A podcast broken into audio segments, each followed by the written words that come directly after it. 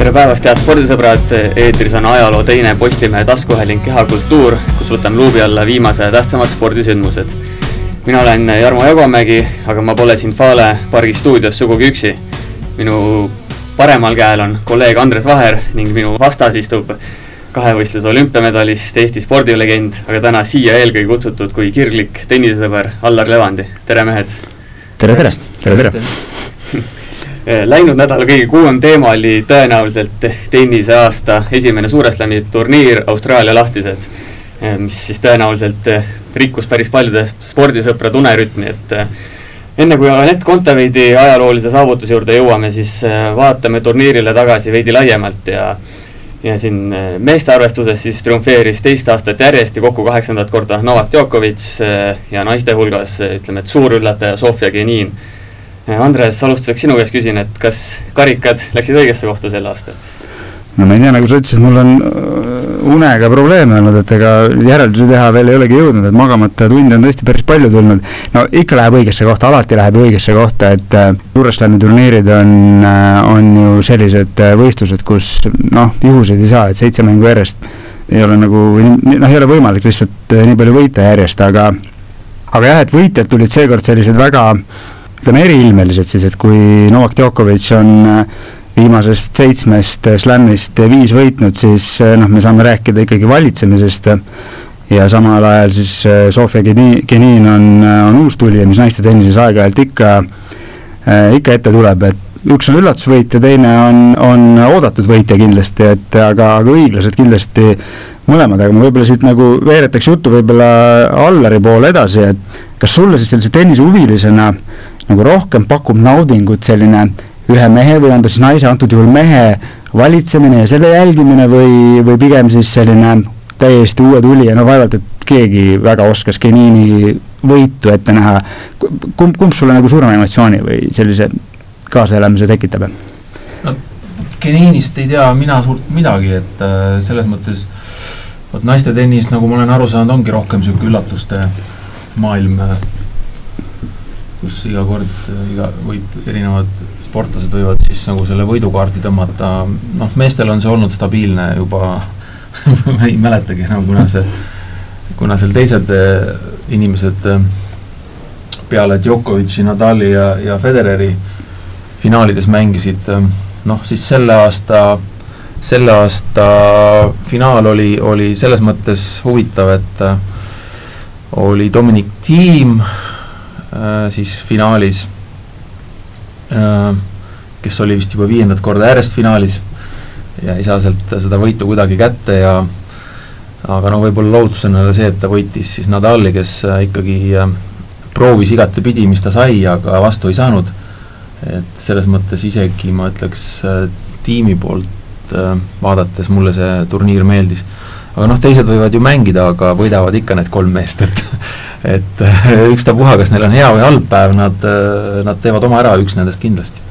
ja tegelikult nagu just tõid hea, hea tahu välja, et, et Djokovic oli finaalis oli no püsti hädas, oli settidega kaks-üks taga, oli närvis, õiendas kohtunikuga, kasutas kõikvõimalikke, no võib öelda, trikke, oli ülbe seal kohati, aga lõpuks ikkagi võitis. Nojah, nii ta, nii ta on, et tee, mis sa tahad, aga need mehed tulevad ikka nurgast välja, eks ole et see on oskus ja kogemus, mis seal pole midagi öelda. absoluutselt, jah jah, et need eh, kolm suurt nime tõite välja ka, aga siin eh, Djokovic on, ütleme siis nendest mehest, meestest nii-öelda kolmandal kohal siin slam'i võitudelt seitseteist, Nadalil üheksateist, Federeril kakskümmend, et eh, mis te arvate, kas Djokovic jõuab kahele suurele legendile järgi? No vanuse järgi ma arvan, et ta jõuab jah, ja noh, veel, veel tuues ähm, veel ühe nagu punkti siia sisse, on see, et vaata, te Allan ennem küsisite, et kas et kas see on hea või, või et on, mina arvan, et see on ikkagi väga hea, et on olemas kolm sellist isiksust ees, et nad on tõesti isiksused ja ja noh, need on, need on kuldaväärt tegelased, kelle järgi nagu ütleme, kui mitte kaks kolmandikku, siis pool maailmast kohe kindlasti joondub. Oma käitumise, oma oma suhtumise ja kõikide nende järgi, et äh, selles mõttes on ideaalne, kui on sul sellised inimesed eesotsas. Ja nad on ju tegelikult noh, ka eripalgelised, nad ei saa, ei saa öelda, et noh, mõnikord on niimoodi, et kõik on niisugune hall mass, et aga nad on kõik väga erineva, erineva näoga iidolid absoluutselt, absoluutselt erinevad ja ja noh, see ongi tore ja kõigil on nendel ikkagi läbivalt on, on ikkagi minu arust üks, üks selline joon, mis neil kõigil on, et nad on nagu suured, S, S, suur S, suured sportlased, nad on Nad on aristokraatlikud, kui nii võib üldse seda sõna kasutada, nad on suursugused, nad Nad on suuremeelsed, nad oskavad nalja teha, nad oskavad keskenduda, ühesõnaga noh, siin you name it, eks ole, need iseloomujooned, mis sealt kõik välja tulevad. Tõenäoliselt eh, Djokovic kahekümne tiitlini jõuab, et üks küsimus on selles ka, kas Federer saab mõne, mõne juurde, et see on ka selline võib saada, võib ka mitte saada, noh, seda näitab aeg, jah. no pigem jah, juba tundub, et Federeri nii-öelda noh, selge on see, et aeg tiksub Federeri vastu ja praegu ei näe ka nagu väga sellist turniiri, mis võiks olla selline tema turniir, nagu omal ajal oli, et, et ühel, ühel kattel on, on ikkagi Nadal, see sel-, selge soosik ja, ja, ja, ja teisel on, teisel on Djokovic või siis ka juba nooremad mehed, olgu nad siis Tiim või Medvedjev või keegi, keegi, keegi muu, et et pigem jah, juba Federeril on keeruline slam'i võita, aga samas noh, ta näitas ka Austraalias, et, et ta on ikkagi suures mängus kõvasti veel sees. just ja siin ütleme, et äh, Djokovic ütles ka, et see Nadali langemine seal veerandfinaalis võib-olla tuleb kalale kasuks, et uusi mehi peale tulla, et juba selline kolme mehe hegemoonia vaikselt hakkab äkki murduma, et noh, tal küll hirmu, hirmus hea öelda, kui keegi teine kaotab, et ma kujutan ette, oleks ta ise veerandis kaotanud, kas ta siis oleks arvanud, et see hegemoonia langemine nii väga positiivne, no niisugune jah, aga, aga noh ne,, nemad võivad niisuguseid avaldusi igal juhul teha. Ja et hea, kui uusi tuleb, aga, aga nagu sport on minu arust nagu unikaalne selles mõttes, et äh, et ähm, nagu korvpalliski näide tuua, et, et noh, noored peavad ikkagi nii palju tugevad olema, et nad sinna esiviisikusse saavad äh, ise läbi suruda, et keegi nagu seda kohta nagu spordis nagu taval-, lihtsalt nagu, et ole hea, et nüüd mängi sina, eks ole, et noh, hello, on ju, et siin on tegemist ikkagi tippspordiga ja tippspordis on, tähendab üks asi, on võit või kaotus, väga lihtne. ja kui vaikselt naiste poole liikuda, siis oskad sa tuua mingisuguse, mis, mis su enda mõte on, kui, kui näiteks küsida niimoodi, et et miks naiste hulgas juhtub selliseid noh, näiteks mis, mis mulle esimesena meelde tuleb, kui äh, aegu tagasi võitis äh,, võitis French Openi Francesca Schiavone näiteks noh, täiesti tühjast ja selliseid ja sarnaseid on olnud äh, veel ja veel, et äh, kuigi nagu on niisugune noh, Serena Williamsi-sugune liider ja täht on, on olemas, aga ikkagi niisuguseid üllatusi juhtub, miks naiste hulgas juhtub, miks meeste hulgas ei juhtu? No miks mehed on ühesugused ja teistsugused naised on teistsugused, sealt hakkab peale. et äh, ikkagi mees on mees ja naine on naine ja, ja, ja meeste tennis on teistsugune. et ähm, noh, meestes naljalt äh, breike pole, kui mängime game'e,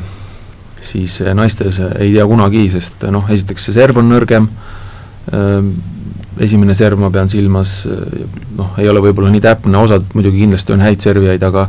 aga enamjaolt äh, on ikkagi, et pannakse pall mängija, mängu ja siis hakatakse mängima, et äh, see sellist nagu servieelist võib-olla naistel ei ole nii suurt. Ja noh, ja mehed kasutavad seda eelist väga ära Andres, ma kohe provotseerivalt küsiks siis natuke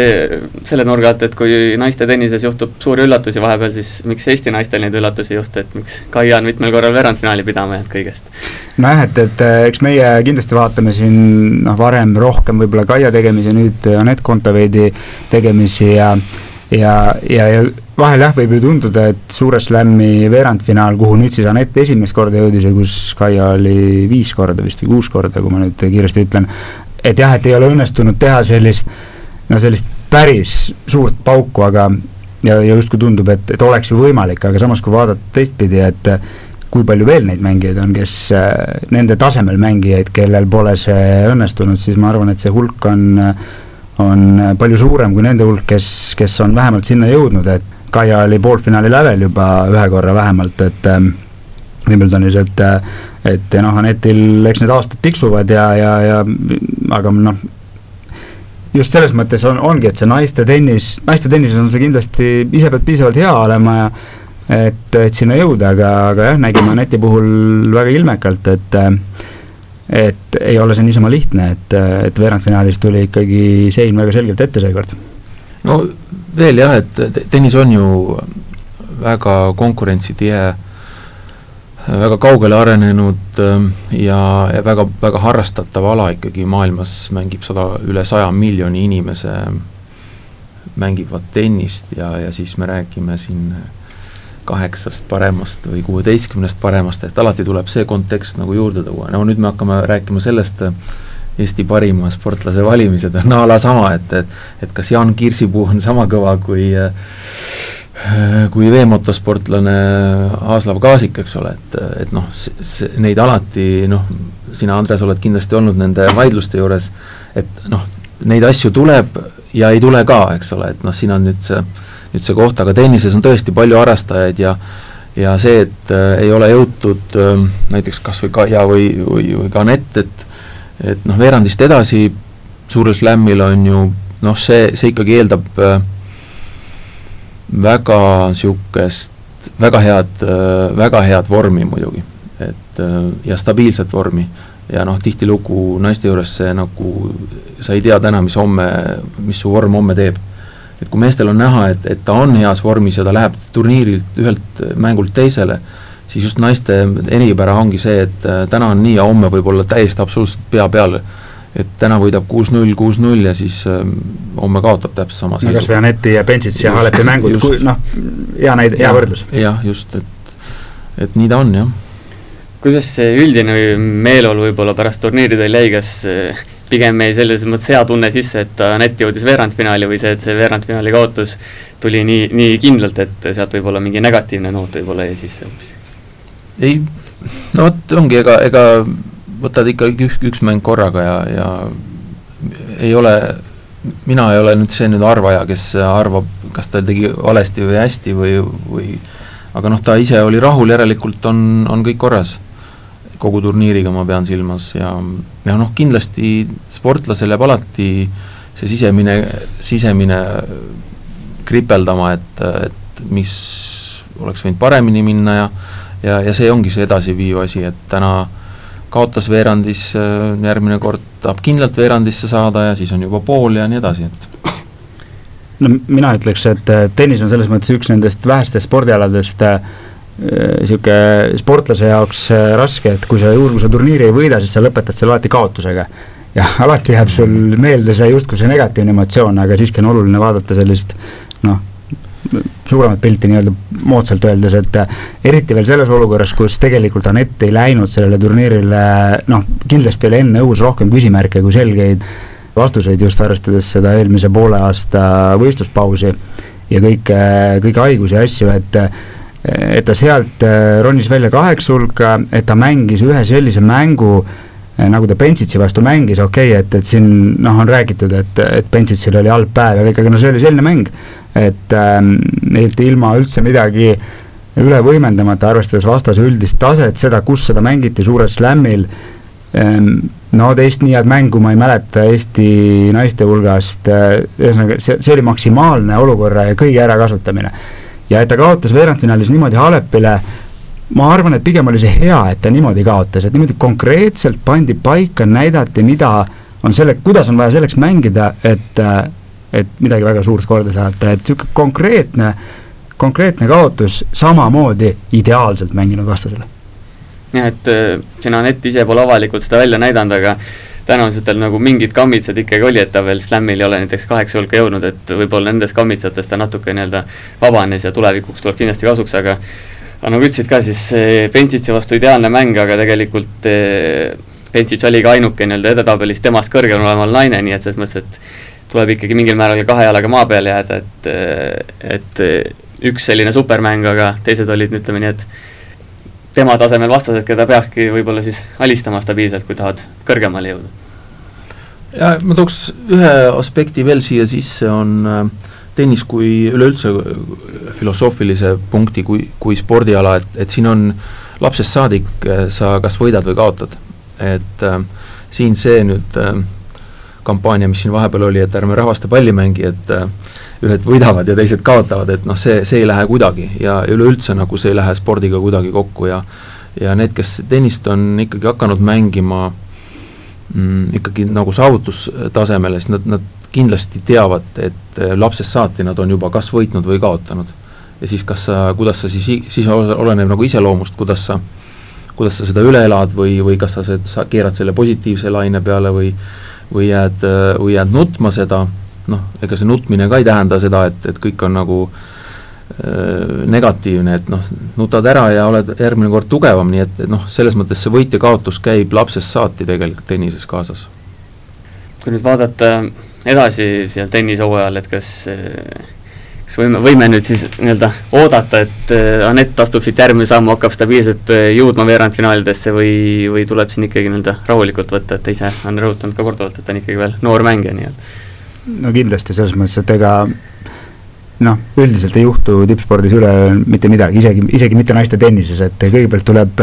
jah, ühe korra, vähemalt ühe korra tuleb õppida ja harjuda Grand Slami veerandfinaalis eh, kaotama, noh, selge on see, et ta tase ei olnud täna veel järelikult vastav, et jõuda kaugemale, nii lihtne see ongi, et tuleb saada tugevamaks, stabiilsemaks ja küll, küll ta samm-sammu haaval tuleb. jah, ei, selge see, et siin ei ole seaduspärasust, see on ka selge. et on noormängijaid alast-, alustades minu mälu järgi Äh, kes seal olid, Hingis oli noor, oli veel seal äh, noori mängijaid, kes tegid oma tulemused seal kõik ära, on neid, kes tulevad täitsa hiljem välja, löövad, lööb tema talent välja. Ja, ja noh, minu arust Anetil on olnud see väga stabiilselt äh, ülespoole astumine kogu aeg. et see, seda teekonda peab ka nagu jälgima, et kas sa oled, kas sa oled lapsstaar, isa-ema üles pumbatud noortesse või siis sa oled saanud rahulikult areneda oma talenti kogu aeg täiendades, et et siin ei ole kindlalt seaduspärasust kohe kindlasti olemas. jah, ja siin ilmselt on niisugune filosoofiline pool ka natuke, et kas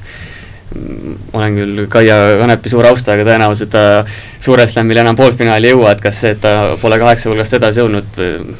kas ta on sellepärast teinud halva karjääri, ma ei usu, et siin ongi, et mm. mis nurga alt täpselt, täpselt seda asja vaadata, kas kas ja kuhu ongi vaja üldse, üldse jõuda, et see, igalühel on omad eesmärgid erinevad siit sujuvalt edasi minnes, siis eh, Anett Kontaveiti saab nüüd eh, Eesti publik ka sel nädalal oma silmaga jälgida, algab Fed Cupi turniir, eh, Allar, sina toetad otseselt Eesti Tenniseliitu, kuidas sina ülehomme algavale turniirile otsa vaatad, milliste mõtetega sa siin oled praegu, paar päeva enne? no jah, esimene mõte on muidugi see, et et meile ela-, meeldib kaasa elada Anetile igal pool äh, võistlustel ma pean silmas teleri kaudu ja, ja, ja veebide kaudu, siis äh, number üks asi, mul, oleks hea meel, kui Eesti rahvas näitaks oma, oma huvi üles ka otseselt koha peale tulles. sest mängud, Aneti näha maailma kahekümne parima sekka kuuluvat mängu näha koha peal, et see on ikkagi hoopis teine asi. et esiteks tahaks, et inimesed tuleks saalidesse, siis äh, järgmisel nädalal vaatama, vaatama FedCupi mänge Eestil ja, ja kindlasti kaasa elama, sest see annab, me oleme kodus ja meil on olemas äh, publik ja kes igal juhul annab see sportlasele juurde indu. nii et see oleks minu jaoks nagu number üks asi. aga mida me veel, ütleme nii siis äh, lisaks Aneti võitudele publikule lubada julgeme siin, et ei no ega lubada ei julge naiste tennis on ju, et et kõik lähevad ju äh, võitlema ja, ja noh, ikkagi, ikkagi tahaks, vot minul on spordis nagu see, et äh, see, võidad või kaotad, aga kui sa annad endast nagu ikkagi sada protsenti ja sa, on näha, et sa võitled, et sa, et sa teed selle võidu nimel ja siis, siis tuleb ka austus. ja ma arvan, et number üks noorematele kindlasti äh, oleks vaja seda noorematele mängijatele, kes seal nüüd esindavad meid, et et nad võitleksid iga, iga hinna eest, et ja siis äh, siis see toob ka publiku kindlasti, noh, publik peaks niikuinii tulema ja, ja samas on Anett niisugune äh, äh, eeskuju neil ees, kes annab neile kindlust, nii et mina ootan igati häid tulemusi. ja kui sa räägid nendest noorematest mängijatest, siis äh, mis sa arvad, noh, sul endal ka niisugune jutumärkides õrn äh, tippspordikogemus olnud, et, et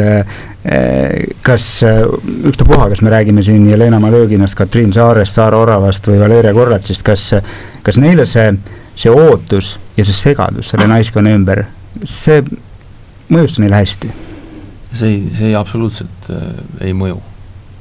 see, see ei tohiks mõjuda selles mõttes, et see on nagu, see on nagu pigem nagu teie üles tõstetud probleem, et, ähm, et sellest nagu rääkida ja, ja teha sellest mingisugune mull, noh tegelikult äh, mis on arusaadav, on ju, et noh, kui rääkida teemast, siis seda, aga noh, noh, sportlane on igal juhul, et noh, ta ei, mis ta siis teeb, et kas ta siis nüüd, ta ikkagi mängib samamoodi edasi, tal ei ole vahet esiteks ja tal ei ole nagu ka mitte mingisugust nagu, et mis ta siis nagu teha saab sellega. no teisel numbril ju, nüüdsel teisel numbril ju on vahe, mängib või ei mängi. no siis ta saab mängida ja väga tore, no seal ta tahabki mängida, no aga minu arust on see natukene niisugune, et igal juhul nad lähevad kindlasti, see ei sega neid, kohe kindlasti mitte, ja nad lähevad ikkagi ju noh, mängima, et individuaalspordiala ikkagi. et okei okay,, paarismäng küll jah, ja võistkond samamoodi, tuleb toetada oma võistkonnakaaslasi, aga platsi peal oled ikkagi sina ja sinu vastane. et ma pean seda silmas praegu jah, et see ümbernurga jutt siis kuulajatel ka tähendas seda, et miks Kaia Kanepi ei tulnud, ei mahtunud FedCupi koondisesse, aga võib-olla ajakirjaniku poolt vaadates, et ei saa nagu teemat uurimata kätte, aga ütleme, nende asjapulkade nagu puhul, kes seda asja ajavad, tekitab natuke küsimärke, et et võiks siis anda konkreetse vastuse, et ei saa kommenteerida, kuidagi kaovad ära need, need, need mehed, kes peaks andma kommentaare, et loogiline, et inimesi huvitab. ei, muidugi huvitab ja noh, ikka tuleb teemasid üles visata, aga minu arust on siin ju piisavalt juba vastatud ja mitte vastatud, aga aga ma ei tea, no kas mõnikord ei peagi nagu ridade vahelt lugema midagi, et või mõnikord on täiesti nagu otsene vastus olemas, et võib-olla ei peagi puurima ega uurima liiga palju. aga, aga tegelikult noh, on äh, võistkonna kapten tegi sellise otsuse, siis mis, mis, mis järgi ta selle tegi või ta ei teinud, noh, meie, mina kui ütlen ja et nii on ja olen isegi teinud, olles treener, analoogseid otsuseid ja on, ja on olnud ka omad äh, põhjused selleks, nii et äh, kindlasti on selle põhjus ja kindlasti ma arvan, ei muuda see selle võistkonna tugevust ega, ega võitlusvaimu.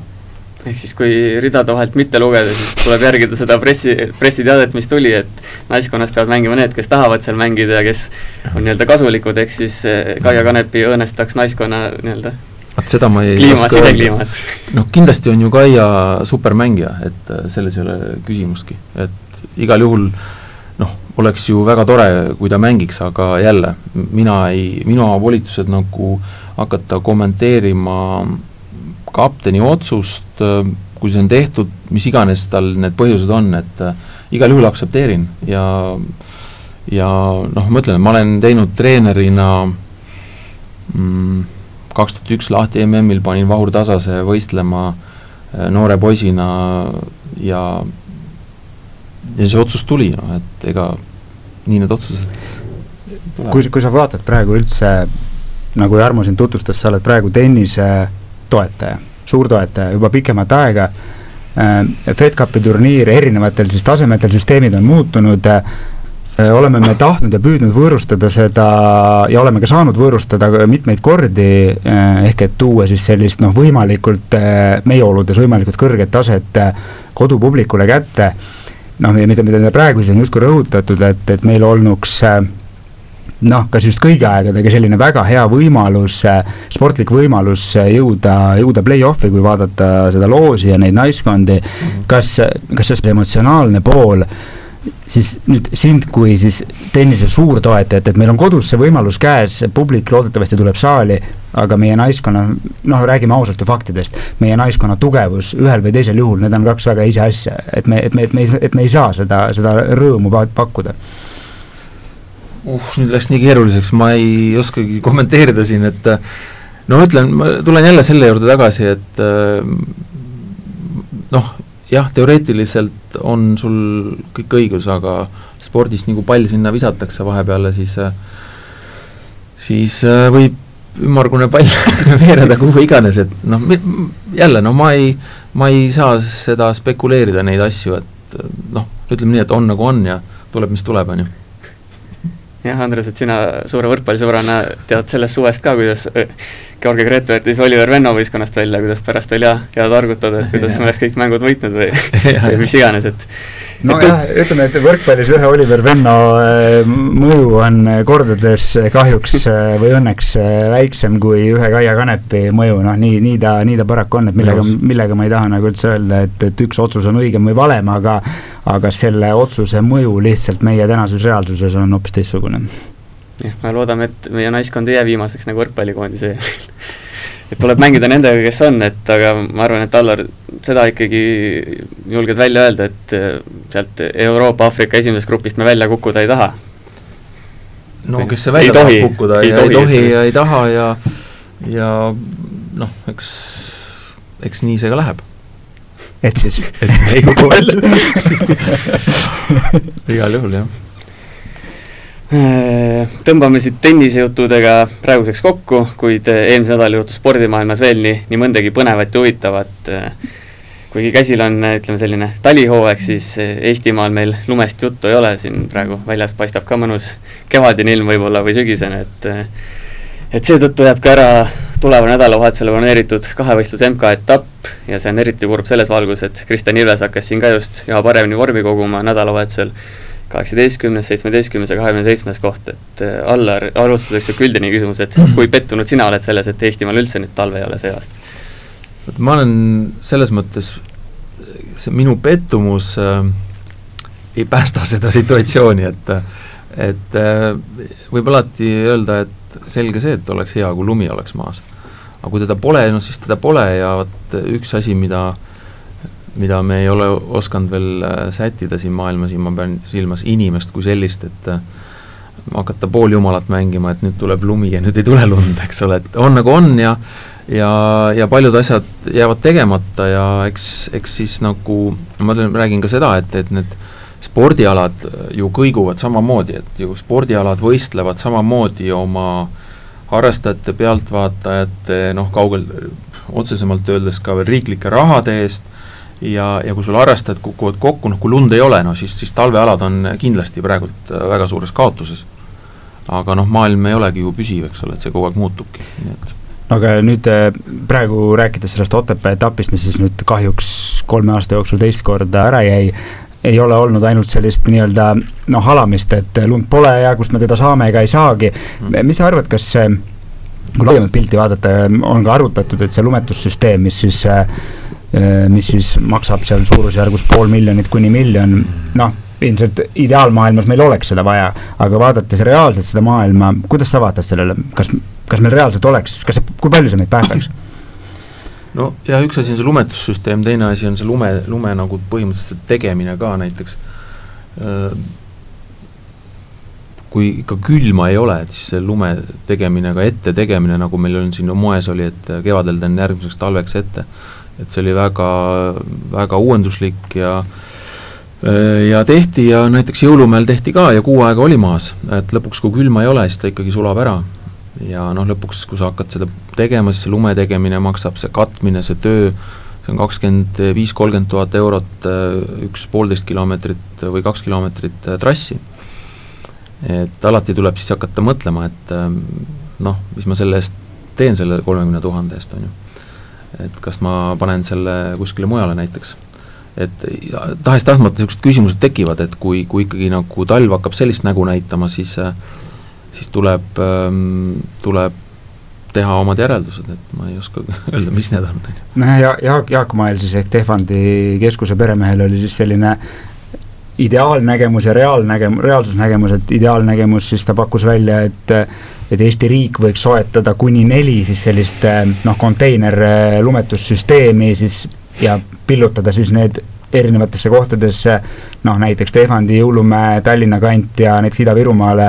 Äh, laiali, et, et see, et see tagaks või noh, mitte ei tagaks, aga annaks meile siis igas mõttes, jutt ei käi üldse ainult äh, tippspordivõistlustest, vaid mm, -hmm. vaid tegelikult märksa mhm. laiemalt nii mm, -hmm. nii sellest, et inimesed saaksid võimalikult palju suusatada, kui ka siis noh, kogu muust ärisektorist, et sa oled ise ka ju siis nii-öelda talvevarustuse müügi ja vahendamisega tegelenud, et see lööb ju tegelikult hoopis laiemalt kui tippsporti. oo jaa, hästi palju nüüd punkte tõid sa sisse, mis on ka tõsi, on ju, aga kõik ikkagi algab sellest, et jah, kas me, kas me esiteks äh, oleme nii jõukad, on ju? Mm, -hmm. kindlasti noh, raha on niisugune niisugune asi, et teda on alati olemas kuskil, et küsimus on nendes otsustes, et kas me otsustame talvele nii palju äh, tähelepanu pöörata, jah, suusatamine minu arust kui selline rahva jaoks on ikkagi rahvusalana veel olemas, olenemata sellest, kas meil on tipud või ei ole, rahvas suusatab et äh, see on, see ei kao ära, samamoodi nagu mängitakse korvpalli, nagu mängitakse jalgpalli, et need on niisugused jäävad, jäävad asjad, nüüd teine asi on see, et äh, jah, mis see, mis see kõik maksab, on ju, et see kaks pool kilomeetrit, äh, kolmkümmend tuhat euri ette teha, seda, kas või seda eelmise kevade lund, et kui meil need ressursid on olemas, siis ähm, jah, miks mitte. nagu Andres ütles, siis kolmest korrast kaks on kahevõistluse MK-etapp Otepääl ära jäänud, et kas äh, on see oht ka, et meil ei pakutagi enam seda võimalust varsti? vot ma nüüd neid taustasid ei tea, Aago võib-olla teab, Markvart teab neid paremini, neid, kas pakutakse või mitte, aga ma ise arvan, et et ega need väga suurt konkurentsi nagu selle korralduse peale ei ole, noh, nagu, nagu iseenesest Äh, laiemas mõttes väga paljudele spordialadel korraldamine on niivõrd kallis, et, äh, et väga paljud lihtsalt ei, ei võta seda ette. ja, ja noh, kergem on, on teha igasuguseid muid vigureid, kui korraldada ühte suurt võistlust, mis kestab iseenesest nagu päeva või kaks, on ju, ja siis äh, ettevalmistuse peale läheb siis nagu nii jubedalt aega ja raha, et et see lõppude lõpuks kõik arvutavad, et miks ma seda üldse teen. et see pigem pigem on jah, ikkagi meiepoolne niisugune entusiasmi säilimine, et me ikka tahaks seda teha. Selge see, et sealjuures peab olema ka inimene, kelle peale see üles ehitada, et lihtsalt tuua sakslasi ja austerlasi siia võistlema, omamata ise nagu tipptegijat, noh, sellel ei ole ka mõtet, et igal juhul Kristjan peab olema eh, kümne-viieteist vahele tegev mees, headel päevadel kuue sisse, siis tuleb ka see huvi ja siis, siis on seda mõtet teha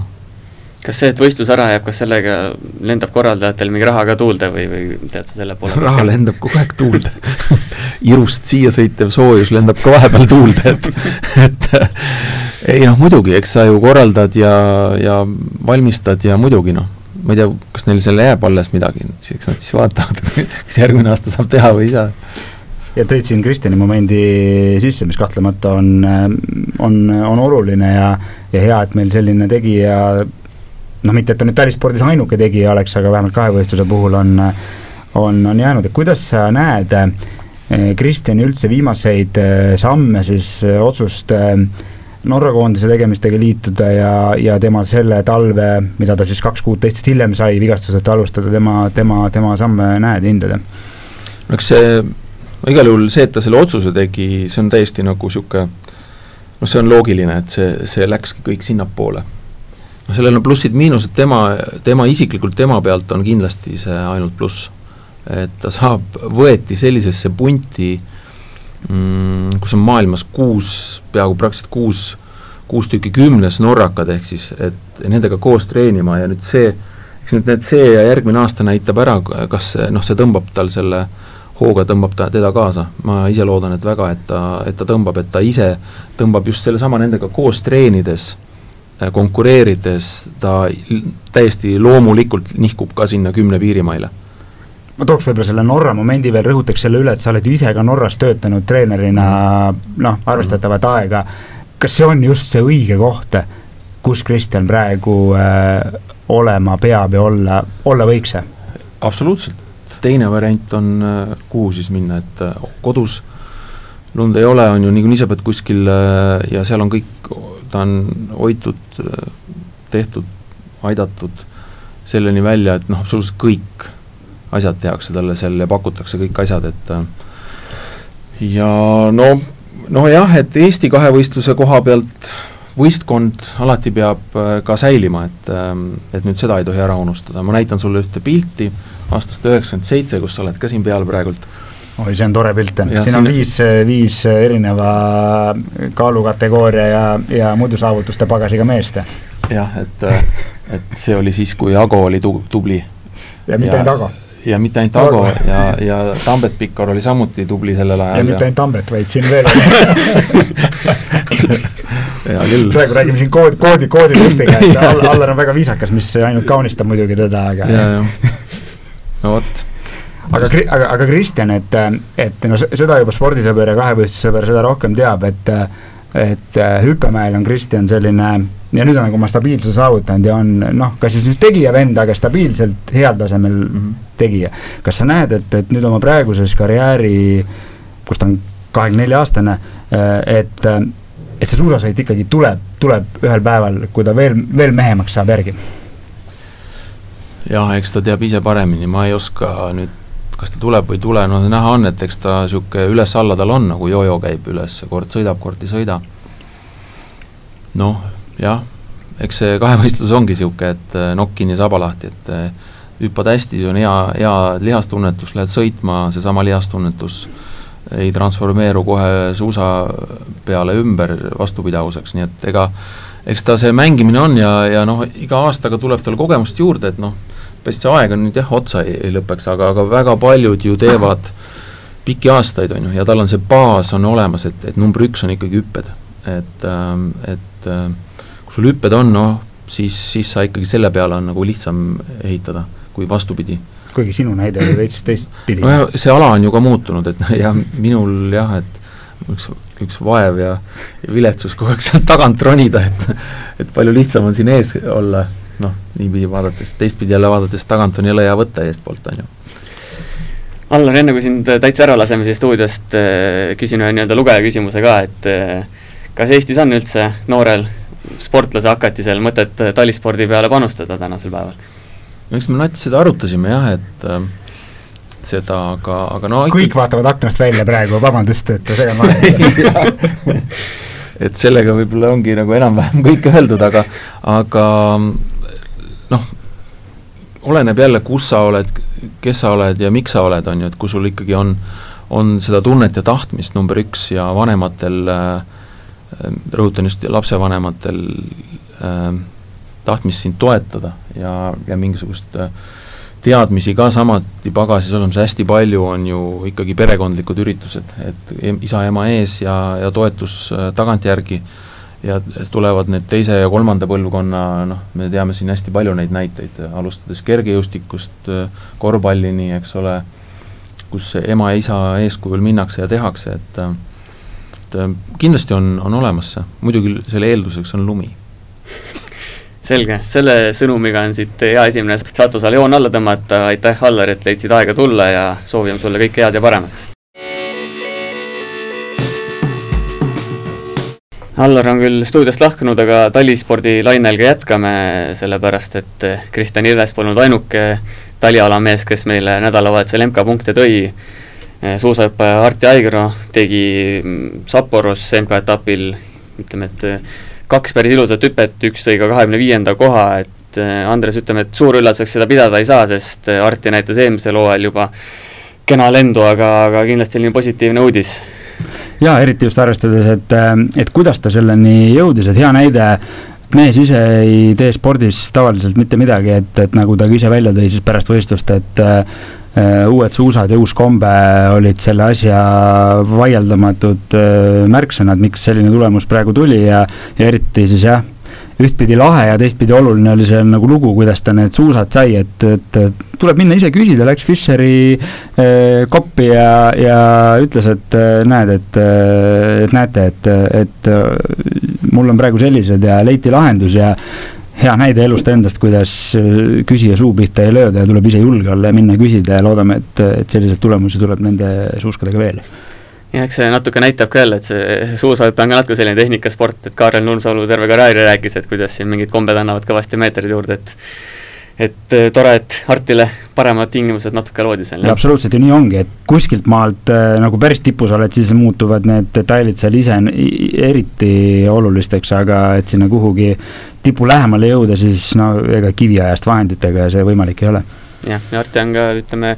täpsustame ära, et kahekümne aastani, nii et tal on siin ruumi veel areneda ja teha paremaid tulemusi kõvasti. Äh, viskame siin, ütleme nüüd äh, talispordivahendid nurka, läheme spordisaali sisetingimustesse ja alustame eile õhtust, kus siis Kalev Cramo alistas Peterburis kohaliku seniidi Euroliiga võistkonna seitsekümmend kuus, seitsekümmend viis, lõpuks natuke põnevaks asja aeti, aga, aga ütleme nii, et viimasel veerandil isegi kontrolliti mängu, et kaks korda ühel hooajal Euroliiga klubi alistada ei ole paha. absoluutselt mitte ja tegelikult selle mängu lõpp oli äh,, oli, oli minu jaoks niisugune nagu tähenduslik mingit pidi, et, et äh, Kalevi tegelikult äh, suuremat, no ütleme lõpp, teisel poolel vähemalt seda tegelikult nagu valitses, no kas valitses, aga oli pigem dikteeriva poole ja ja kuidas siis lõpus äh, noh, võib-olla sellisel natuke nõrgemal meeskonnal võõral väljakul tekkis selline äkki mingi võidukramp või noh, ei saa ju öelda, et Kalevil nende suurte väljasvõtmine, eriti väljasvõtmine nüüd nii väga harjumuspärane oleks, et noh, nii-öelda püüti küll, et see võit maha mängida, aga samas see, et seniit seda noh, tegelikult ju juba lõpurünnakuga kingitud võimalust ei suutnud ära kasutada, näitas jälle väga iseloomulikult, et, et see seniit ei ole päris, ei ole päris see Euroliiga meeskond. Jah, ja samas näitas see, et Kalev võitu maha ei mänginud, et et selles Kalev Cramo süsteemis on midagi muutunud, et paar aastat tagasi oleks raudselt Kalev selle mängu lõpuga ära andnud, ükskõik kui suur see edu seal lõpus on, aga aga nüüd mitte, et äh, siin tulekski jälle kiita ka Robert Stelmachersit, kes on kuidagi nendesse Eesti meestesse ja nendesse legionäridesse nii palju seda eneseusku süstinud, et, et ma ei tea, kuidas kuidas nad ei, ei, ei pelga enam ühtegi asja siin, Kristjan Kitsingud ja, ja nii edasi, et see eneseusk võib-olla ongi selline põhiline märksõna, see enesekindlus, miks Kalev suudab seniiti tänavu võõrsil alistada, et et isegi kui asjad hakkavad allamäge veerema siin, kaotused näiteks siin Eesti-Läti liigas ja mõned halvad kaotused ETB-s, siis sellele vastatakse kohe mingisuguse suurüllatusega, tõmmatakse kübarast jänes nii-öelda, et et kui siin praegu kõik mänguline pool kõrvale jätta, siis sellist uh, tuhhi, indu, usku ja enesekindlust on ikka meeletult, jah. no ilmselgelt on näha, et meeskonnas selline keemia, mis äh, ju tegelikult sellise, eriti kui sa, kui sa võtad, mis liigat sa mängid, kui palju sa pead reisima, kui äh, noh, sa tegelikult noh, meile, meile tundub siit kõrvalt võib-olla, et noh, teed jälle teleka lahti ja vaatad igal nädalavahetusel, kui on mäng kuskil, on ta siis Peterburis ja siis tuleb ta kuskil Kaasanis, et noh, tegelikult see ju eeldab nagu perekond, sa oled kogu aeg, käid, reisid koos, mitte väga atraktiivsetes paikades, et see meeskonna keemia hingamine on küll